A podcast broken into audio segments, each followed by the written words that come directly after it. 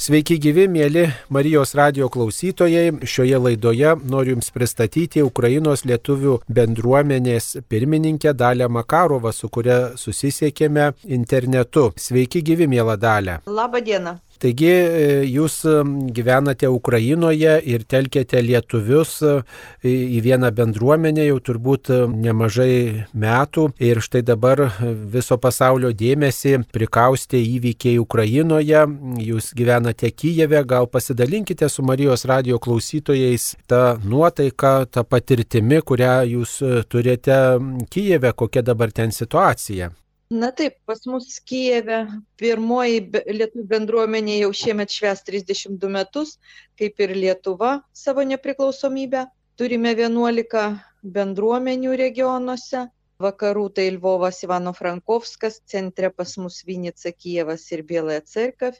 Na ir rytų regionai tai Harkovas, Dniepras, Zaporožė, Kamenskė, Nikopolis ir 2018 metais užregistruota paskutinė bendruomenė tai Hersonas. Deja, vat Hersonas kol kas yra okupuotas ir pirmininkė iš ten išvyko iš pradžių į Stanislavą čia tarp Nikolaevo ir Hersono, bet jau kai okupantai pradėjo šalia aplinkui po kaimus tankais važinėti ir buvo ruošiamas okupuoti Stanislavą, tai tokiais aplinkiniais keliais ten vienu žodžiu jiems pavyko ištrūkti iki Nikolaevo, paskui jie persikėlė Odesą ir dabar jau jinai Vinisos srityje.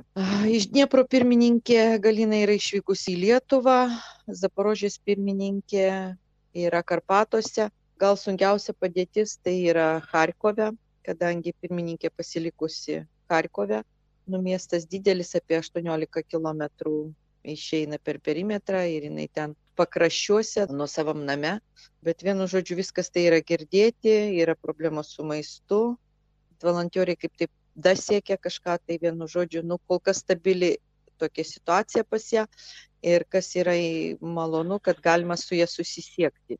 Na, o Kijevas, palyginus vat, su tais regionais, kurie yra okupuoti, kuriuose vyksta atšiaurus karo veiksmai, tai galima taip sakyti, nu, kaip penkių žvaigždučių viešbutis, kur yra elektra, vanduo, ryšys, kas vat, labai svarbu ir aktualu mums bendrauti ne tik tarpusavėje Ukrainoje, bet ir turėti ryšį su visų pasauliu, kadangi vat, informacijos klaida tai yra labai reikalingas reikalas. Na, pats miestas gyvena gan, kai sakau, toks prasidėjo gan normalus gyvenimas, nes vat, ir žmonės jau į parkus pradėjo vaikščioti, ko nebuvo pirmom dienom, nes tai buvo kaip tai atšiaurų tik vaikštau po parką ir parke tu esi vienas žmogus, taip pasižiūri, nieko nėra, toks surrealizmas.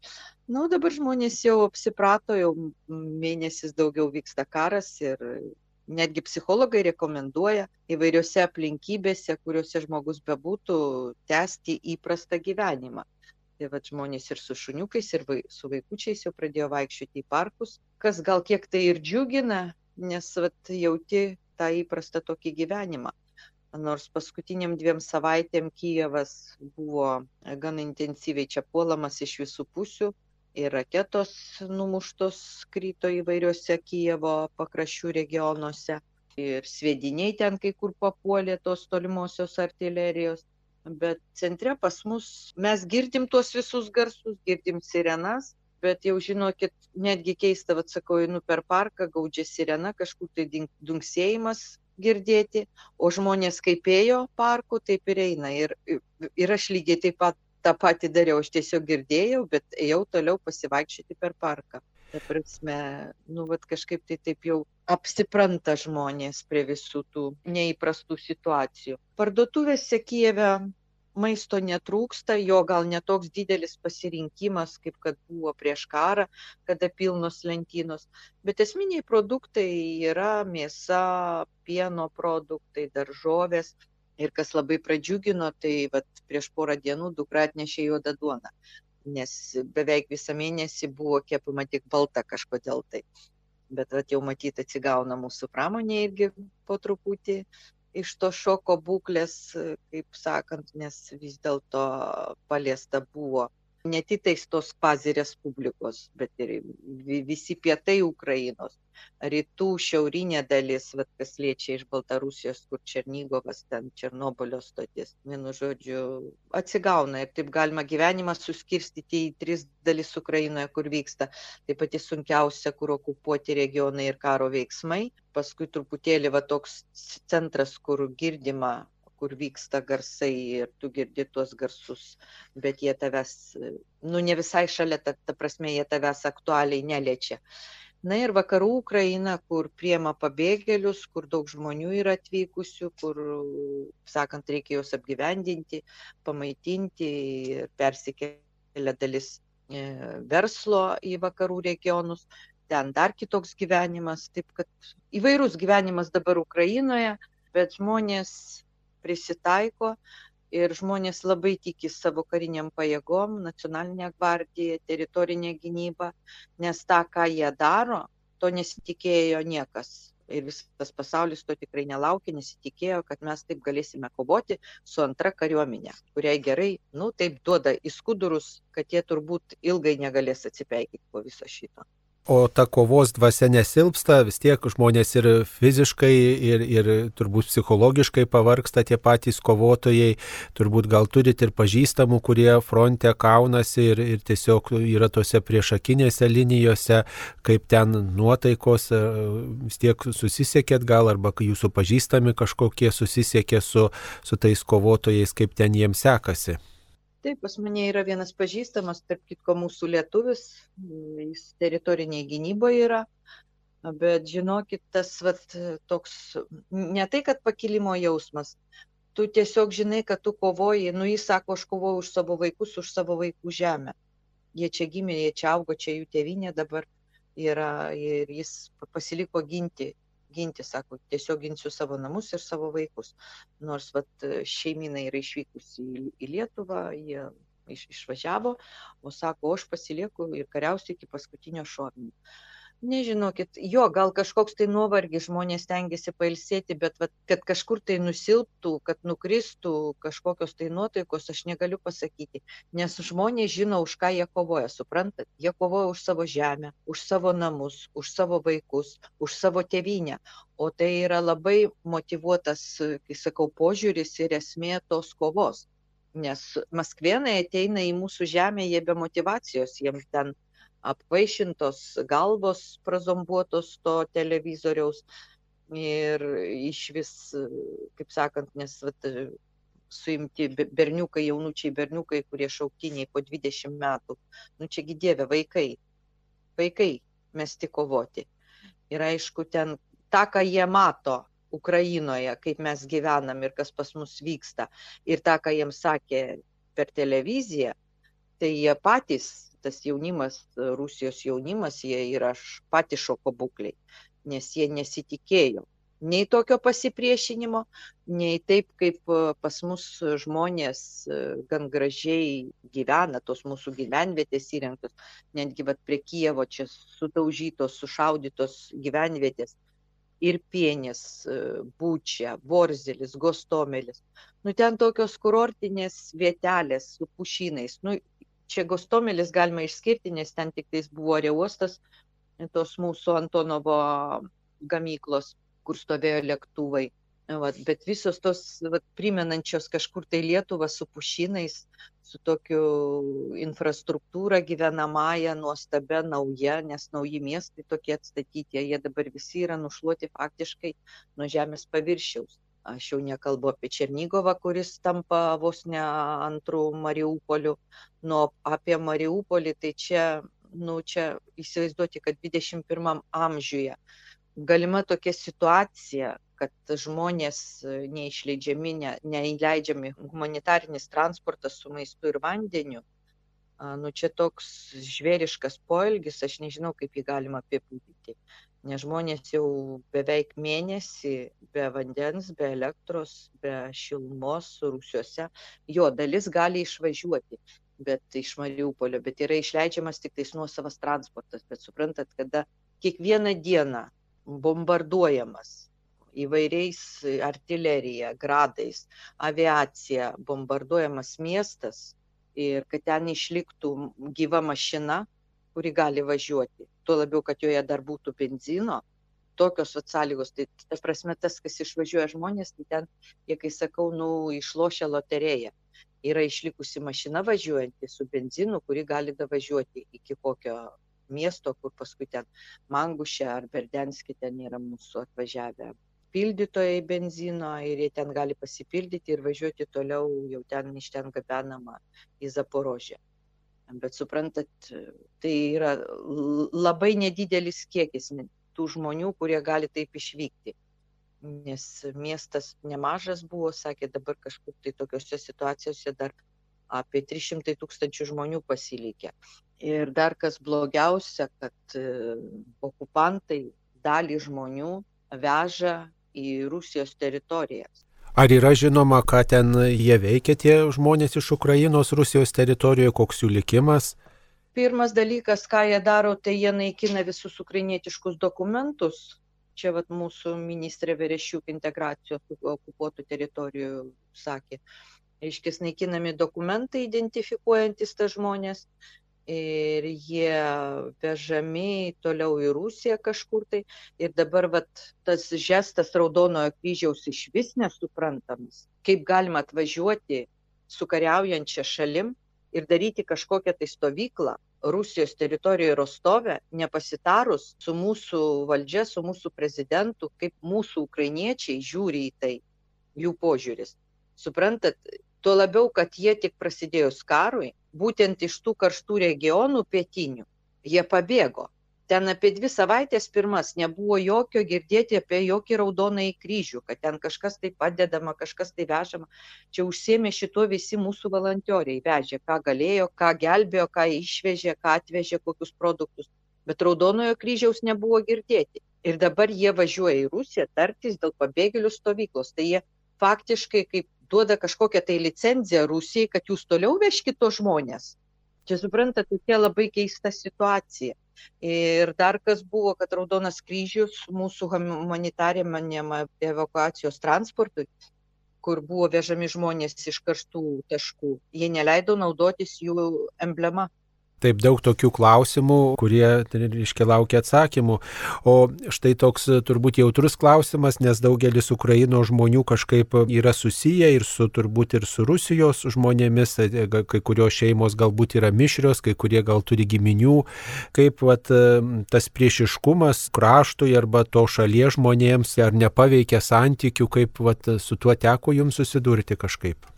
Nu, žinokit, teko susidurti, tai buvo įdėta ir socialiniuose tinkluose, kada žmonės patys rusai, rusai, kurie vat, gyveno ir vienyje ar dar kažkur, tai va čia vat, mūsų jau Kievo krašte, tiesiog plėšė, plėšė pasus, sako, aš nenoriu būti šitos šalies piliečių. Arba sakė, aš nenoriu būti rusė, tiesiog jo jinai turi ukrainietišką pasą, mergaitė, bet sako, aš nenoriu Rusijos tautybės, aš nuo, nuo šiol aš nesu Rusija. Ir daugelis, kaip sakant, ir nutraukė santykius pas mane, va draugės, mano labai artimos draugės sesuo gyvena Rusijoje, Belgarodo srityje, o Ukrainoje, jinai pati iš Ukrainos, iš Nikolaevos srities kilusi. Čia vat mano draugė ir jos brolis, vat vienu žodžiu, jie iš vis nutraukė santykius, nes su žmogum, nu, suprantat, jie, sakau, per 20 metų tas vat informacinis karas, kurį vedė Rusija savo teritorijoje, kalbėdama apie Ukrainą negatyviai, iš vis išsigalvodama kažkokias tai nesamoningas istorijas ir teikdama tą visą nesamoningą informaciją, žmonėms taip praplovė smegenis, nu jeigu moteris, vaduodamos interviu, sako, kad Ukrainai taip ir reikia, kad tas karas turėjo būti, kad jis gerai, kad vyksta. Čia suprantat, ant kiek žmonės turi būti, nu, netekę kažkokių tai moralinių geranoriškų savybių, kad va šitaip galima būtų kalbėti apie kitą šalį. Čia suprantat, nutvarkykite jūs pas save Rusijoje. Didžiausias Sibiras. Gyvenkite ten, kaip sakant, žemės plačiausios. Statykite namus, duokite žmonėms darbą. Kogi va ta Ukraina jiems, kai sakau, kaip kaulas gerkliai įstrigęs, jie nuo jos negali niekaip atstoti. Tas pas mus karas jau vyksta aštuonis metus, vyko nuo keturioliktų kai buvo užimtas Krymas ir okupuotos tos Donbaso sritys, kvazi respublikos. Jo ten, kaip sakant, buvo daug tų kolaborantų atvežtų iš, iš Rusijos žmonių, kurie gyveno ne, ne tokį ilgą laiką tose teritorijose. Jo, jie juos sutiko. Ir suprantat, ir jie va dabar galvoja, prasidės šiek karas, bus kokios 3-5, nu savaitė maksimum. Visi su gėlėm čia juos sutiks. Bet dėja, jie sutiko labai tokį aršų ukrainiečių pasipriešinimą. Aš tai sakau, va ta buvusi kazokų laisva dvasia, kuri faktiškai Ukrainai buvo, egzistavo nuo senų laikų, nes Ukrainoje niekada nebuvo, vat, kaip sakoma, kad Rusijos mentalitetas. Oi, tai va caras, carui nueisim, nusilenksim, ten caras viską padarys, jis protingas ir viskas bus gerai. Ir tas vat, toks poelgis į valdžio žmogų, kad jisai protingesnis, geresnis ir jis viską gali nuspręsti. O Ukrainoje tai buvo atbulai ir vat, vat, net kad zokai, vat, tos hetmanus jie rinkdavo iš savo tarpo, nepatikdavo, jos nuversdavo, rinkdavo naują. Ir vat, tas laisvės troškimas, matyt, vat, jis dabar yra atbūdęs e, visoje Ukrainoje, kažkur tai mėgojas iki šių laikų, bet vat, jis dabar atsikėlęs ir vat, tavo laisva dvasia, sklandantį Ukrainos teritorijoje, tai vat, jinai dabar atsikėlus ir žmonės tiesiog gina savo laisvę ir savo žemę. Na tai tokia tikrai labai skaudi ta kaina tos vienybės, tos e, laisvės dvasios, tokio pakilimo tas karas, bet turbūt tokiom sunkiom sąlygom galbūt atsiranda ir tokių žmonių, kurie ir tame pačiame krašte galbūt e, na, kažkaip skriaudžia ar, ar pasinaudoja, ar atima kažką, ar teko girdėti apie tokius nu, negatyvius atvejus, apie tą tokį galbūt ir žmogaus prigimties, tokį blogųjų tų savybių apnuoginimą, tų prigimtinių tokių savybių, tokį netinkamą netinkamą pasidavimą tokiem instinktam. Taip, čia buvo va tokių atvejų ir socialiniuose tinkluose buvo įdėta, kai tie maradioriai, kurie ten va ir ar parduotuvėse, ar į namus ateina, tai tiesiog žmonės, žinokit, sugalvojo tokį, nu nežinau, gal tai kažkur tai taikoje gyvenantiems žmonėms taip ir atrodys nuskambės gana čiauriai, tiesiog buvo pririšti prie stulpų, nu atsiprašau, numautos kelnės ir rykštė mušamas užpakalys. Vat, ir tie vaizdai tiesiog buvo įdėti į internetą. Ten keli tokie buvo. Tiesiog žmonės va šitaip pat vienu žodžiu su jais kovoja. Ir aš taip galvoju, kad nu, čia gal toks geras pavyzdys, kad žmonės pamatė, pažiūrėję, kaip gali atsitikti, kad kitiems numušamas noras nuo tokių darbų. Bet va tokių atvejų buvo, aišku, jie nemasiniai, jie vienetiniai atvejai, bet dėja jie yra, nes, kaip sakant, žmogaus tokia prigimtis dalis žmonių yra gerų, bet, kaip sakant, šeimoje atsiranda visą laiką tokių išsigimėlių, kurie, nu, elgesi nelabai korektiškai blogiausių atveju atsitikus kokiai tai nelaimiai. Yra ir dalis kolaborantų, vat Melitopolėje, užimtam mieste pas mus atsirado moteris, kuri vat tarpininkauja, bendradarbiauja su okupantais ir ten vienu žodžiu steigia kažkokią tai miesto tarybą kolaborantinę, bet suprantat, pagal Ukrainos įstatymus tai yra nusikaltama veikla, kuri grėsia kalėjimu iki 15 metų, nes tai yra tėvinės išdavimas. Dar yra toks posakis, kad e, kai vyksta karas, vyksta tokie tikrai dideli mūšiai, reikia būti kažkam apkasuose, gintis, bėgti. Sako, tokiu metu ateistų nebūna, tada žmogus jau atranda, reiškia, tą tokį savo trapumą, savo ribotumą ir tada kažkaip tas tikėjimas, religinis tas jausmas žmoguje sustiprėja. Ar pastebite, ar girdite iš kitų žmonių, kad, e, na, va, tas toks ar religingumas, ar atvirumas Dievui, ar klausimas, klausimas, kodėl viešpatė arba padėk stebuklą čia padaryk, sustabdyk tą karą, ar, ar tai jaučiama, ar tai sustiprėja yra va tomis karo dienomis. Suprantat, žmonės įvairiai tai reaguoja, jo gal kažkas tai, kaip sakant, ir klausia pas Dievą, kodėl tai įvyko, kodėl jis neužtarė šitos šalies. Čia, kaip sakant, priklauso nuo žmogaus vidinio požiūrio, jo poreikių. Bet vat, iš Mariupolio daugelis žmonių, kurie yra ištrūkę, tai jie nu nežinau kaip ten bus toliau bet jie daugelis kaip sakant dėkojo dievui kad jie galėjo ištrūkti iš to pragaro kuris vat būtent vyksta jų mieste. Nes suprantat vidury europos dvidešim pirmam amžiuj humanitarinė katastrofa kai miestas intensyviai specialiai daužomas bombarduojamas naikinamas. Žmonėm neleidžiama atvežti tiesiog maisto ar vandens čia aš, aš nežinau, kaip galima pavadinti dabar tos vat, maskvėnus, visą jų valdžią, visus jų žmonės ir tas visas požiūris, suprantat, jo, ukrainiečiai susitelkė, susivienijo. Pas mus dabar nėra nei opozicijos, nei kažkokių tai partijų. Žmonės dirba vieningai, kovoja už savo šalį, už savo žemę, už savo laisvę. Bet tas vat, supriešinimas dviejų šalių, Rusijos ir Ukrainos, žinokit, čia nepraeis ilgai. Čia šimtui metų, dviem, trim kartom mes būsime tikrai priešai. Nes suprantat, kada vaikai girdėję bombų sprogimus, matę mirštančias savo mamas ar tėčius, kurie mirė jų akise. Kaip galima bus tam vaikui paaiškinti vėliau, kad pavyzdžiui reikia draugauti su rusais, kad rusai yra neblogi. Tu jam niekaip nepaaiškinsi. Ir rusų tauta yra lygiai taip pat kalta kaip ir Putinas, nes jie užaugino, jie tyliai jam pritarė.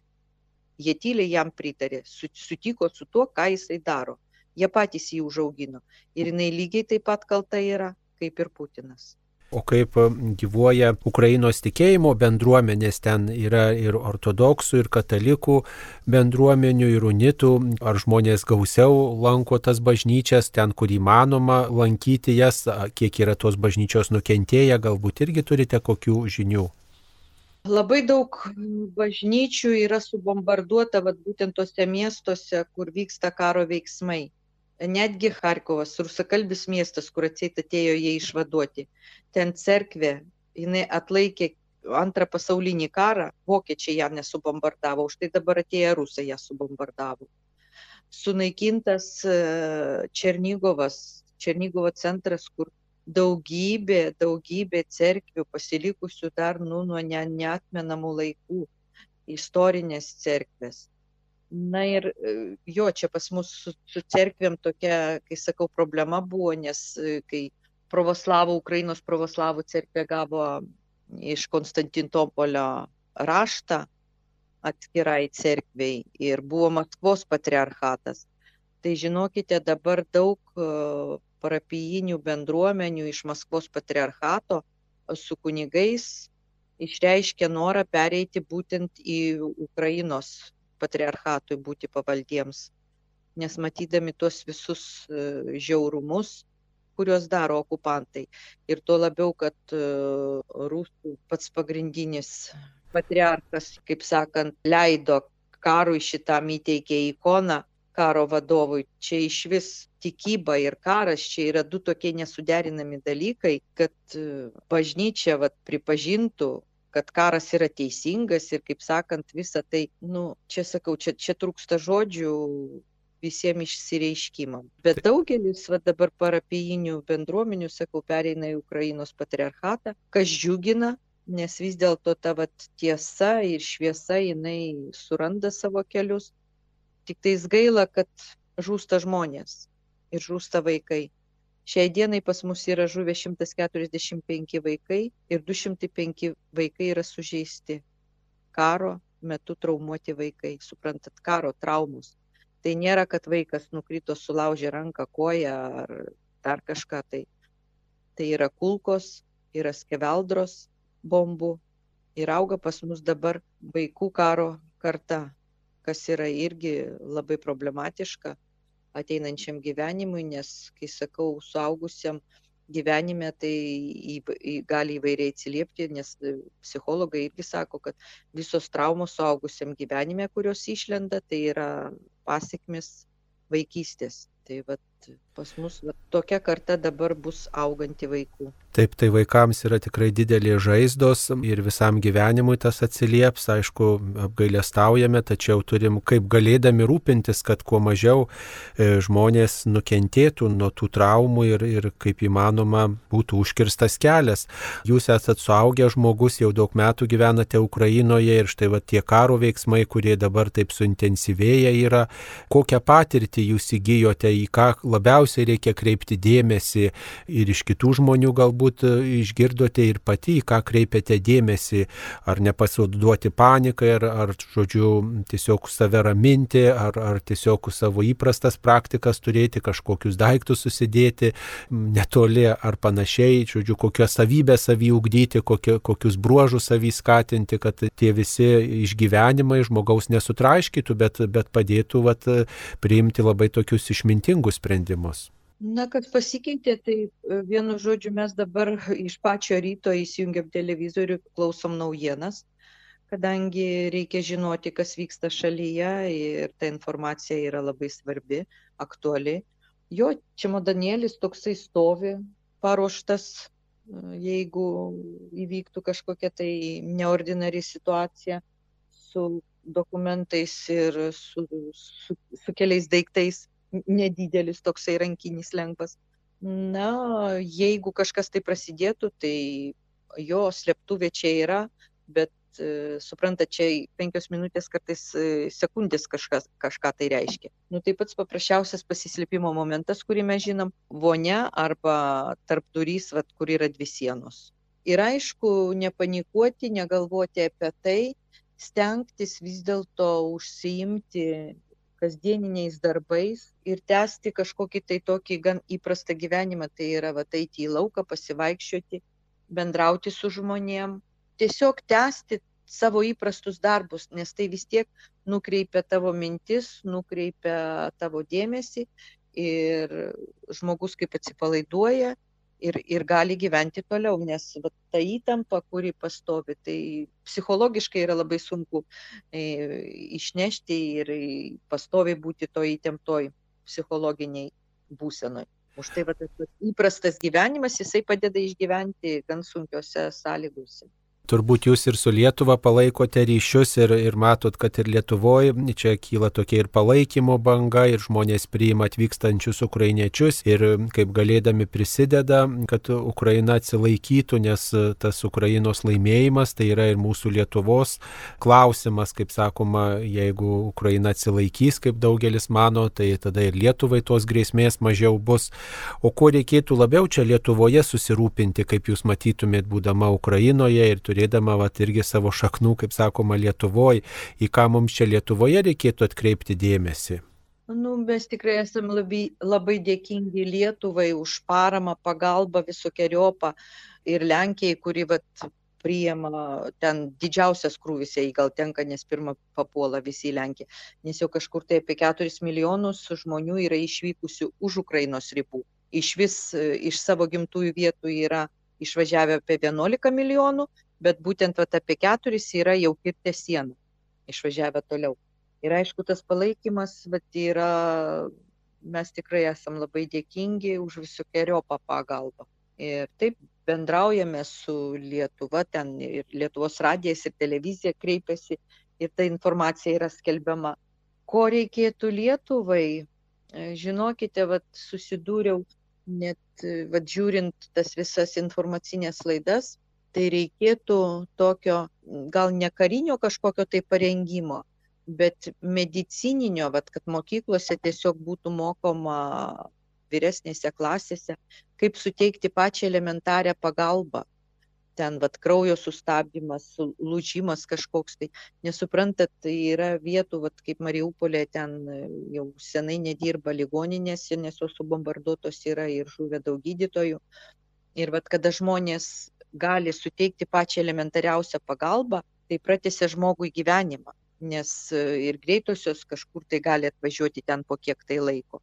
Tai va ta pirmoji medicininė pagalba, va būtent dabar visuomeniai tai yra gana aktuolus klausimas, nes pas mus jau irgi dabar prie institutų yra daromos tokios grupės, kur mokomas jaunimas, kaip elgtis įvairiose situacijose, kaip suteikti pagalbą pirminę, vat, iki greitosios atvykimo, nes netgi perėšti žaizdą, sustabdyti kraują reikia mokėti tai padaryti, o tai žmogui gali išgelbėti gyvybę.